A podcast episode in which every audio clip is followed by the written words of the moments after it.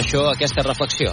Cada dia que deixem passar li donem més aire al, al partit judicial, al partit dels jutges que actuen com si fossin part d'un partit polític uh, i li donem més veu als que no voldrien que a Catalunya es passi pàgina els que encara estan instal·lats en una posició de revenja. Pisarello també ha dit que Sumar intentarà vestir ponts en Podem per evitar que repeteixi a Catalunya el naufragi de vots que els comuns han patit a les eleccions gallegues.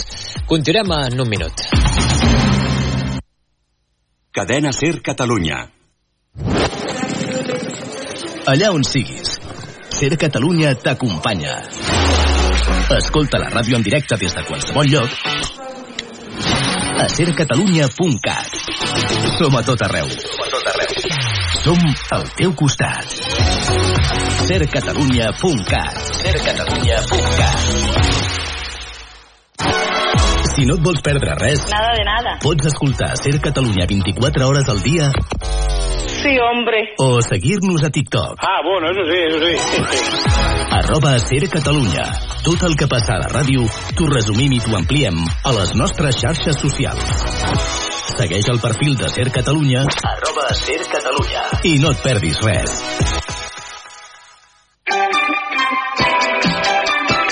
Ser Catalunya. La força de la conversa.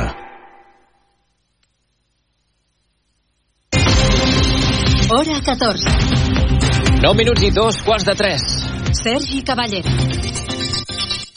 La proposta per presentar a la mesa del Congrés dels Diputats la proposició de llei de modificació de la prescripció dels delictes contra la llibertat sexual comesos contra menors d'edat ha quedat aprovada per 110 vots a favor, 10 en contra i 11 abstencions.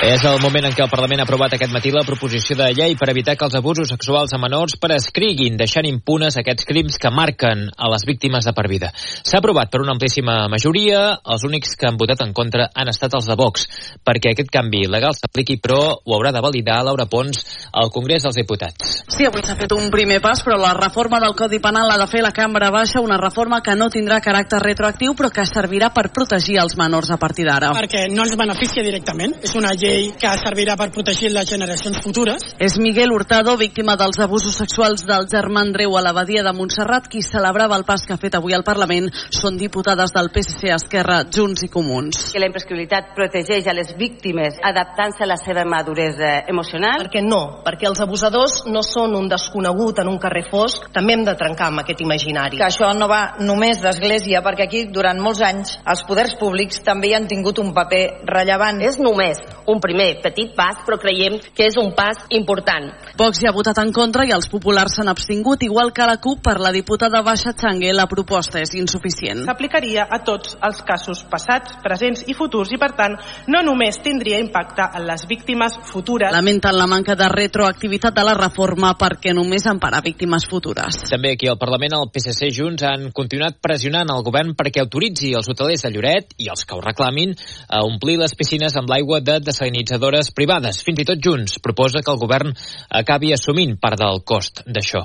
El president Pere Aragonès ha promès flexibilitat amb el pla de sequera, però altres grups pressionen en sentit contrari Xavier Balló perquè es restringeixi més el consum d'aigua pel turisme. Els socialistes reclamen al govern que permeti omplir piscines als hotels d'aquells municipis que no arriben al consum màxim d'aigua permès i que s'autoritzin iniciatives com la de Lloret d'agafar aigua del mar i passar-la per una desaladora que ells mateixos comprarien. Junts encara va més enllà i reclama al govern que ho subvencioni, que en pagui una part i que no es desentengui de les conseqüències que podria patir el turisme. Ho ha demanat la diputada Maria Antònia Valle, que és precisament de Lloret. Si hi ha opcions de desaladores portàtils, les promouran, subvencionaran una part. Si hi ha empreses que disposades a invertir per resoldre el problema, els ajudaran. El pla de sequera actual no permetria aquest ús i el govern de moment no vol confirmar la solució, però s'hi ha promès flexibilitat. Ho ha fet el propi president. Ahir els grups ens demanaven flexibilitat, i coincideixo, hi ha un rumb i evidentment hi ha la flexibilitat per ajustar-ho a les circumstàncies i també a les alternatives que pugui haver-hi. Una flexibilitat que contrasta en canvi amb el que volen els comuns i la CUP que pressionen perquè el govern faci restriccions específiques al turisme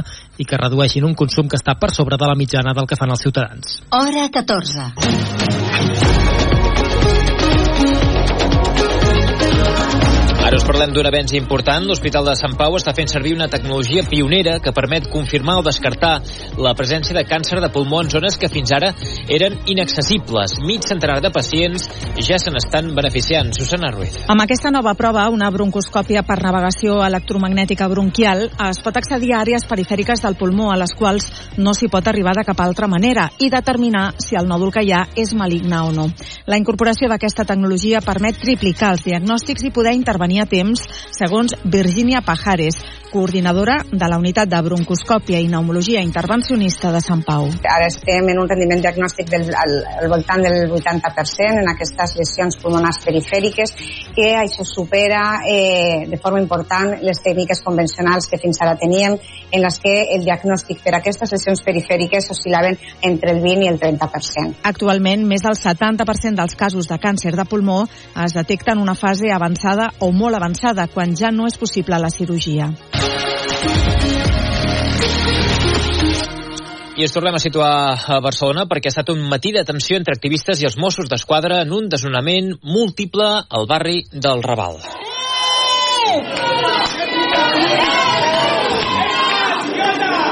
Aquest era l'ambient al Raval de Barcelona. Pol Valero, bona tarda. Bona tarda. Més d'un centenar de persones s'havien concentrat per impedir l'accés a aquest immoble als policies, però a aquesta hora són les 2 i 26. Els agents ja els han retirat a tots. Sí, fa pocs minuts la policia ha acabat de treure un per un els activistes, els han arrencat d'aquesta concentració que havien fet davant de la porta i ara mateix estan obrint l'accés a la comitiva judicial per dur a terme dos desnonaments. Són dos pisos ocupats en un bloc propietat d'una filial del fons voltor Cerberus, on viuen joves membres del sindicat de l'habitatge del Raval. Els activistes denuncien un ús excessiu de la força per part dels Mossos. Nosaltres ens hem posat davant de la porta i estem fent com una arranca cebes, però els Mossos estan, estan sent molt violents. A un company que estava enganxat a mi l'han arrossegat per terra, a un noi que n'havia davant meu l'han agafat pel coll per treure'l, també apunten que el jutjat havia juntat per avui quatre desnonaments, dos són els que s'estan tirant endavant, el tercer, el mateix bloc del fons voltor, es va suspendre ahir perquè hi viu una família vulnerable amb menors i el quart, el carrer Robador, ha estat frenat avui al matí a primera hora gràcies a la concentració del sindicat. Era la fotografia d'ara mateix del centre de Barcelona. La Plataforma per la Llengua considera del tot insuficient el pla del govern per millorar l'ús del català en l'àmbit sanitari, un pla que contempla cursos gratuïts per a 2.700 professionals de la salut. L'entitat es declara decebuda i també emprenyada a parts iguals. Òscar Escudé, portaveu de la plataforma, diu que un cop el govern va tenir fet el diagnòstic de la situació, s'esperaven molt més. Nosaltres mateixos, a Plataforma per la Llengua, hem rebut l'any 2023 221 queixes només de la sanitat a Catalunya i indignats perquè sembla que se'ns vulgui prendre el pèl a la ciutadania dient-nos que fem un gran pla quan en realitat estem fent poca cosa. El responsable de Plataforma per la Llengua ha remarcat que és obligació del govern normalitzar la llengua catalana i garantir els drets lingüístics dels ciutadans, també en l'àmbit de la salut. Precisament avui el conseller del RAM, Manel Balcells, ha explicat al Parlament que uns 1.500 professionals de la sanitat pública ja s'han inscrit als cursos de català gratuïts que el govern va oferir fa una setmana. El total de places és de 2.700. Recte final ja de l'hora 14.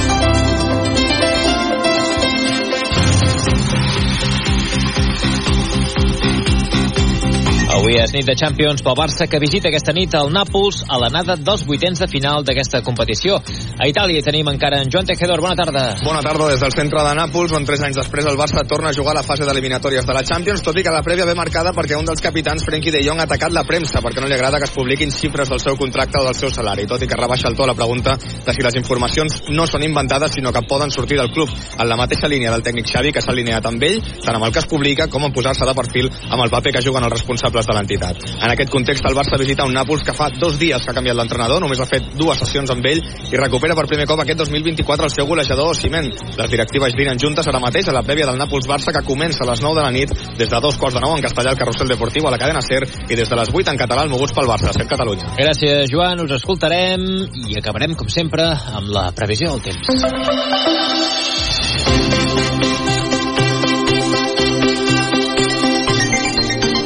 Jordi Carbó, explica'ns. A mesura que avanci la tarda, els núvols aniran guanyant protagonisme. Encara molts moments massa prims com per tapar del tot el sol, però en general el sol cada cop més apagat i això farà que les temperatures baixin una mica respecte a ahir, però ho notarem poc. Màximes de 15 a 20 graus des de les valls del Pirineu fins a la façana costanera.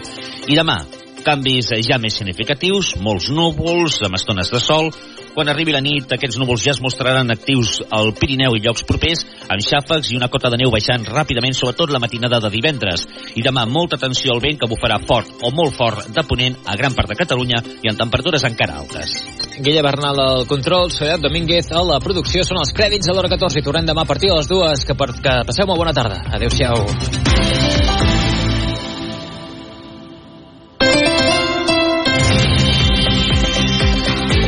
Hora 14. El láser. Con Javier Casal.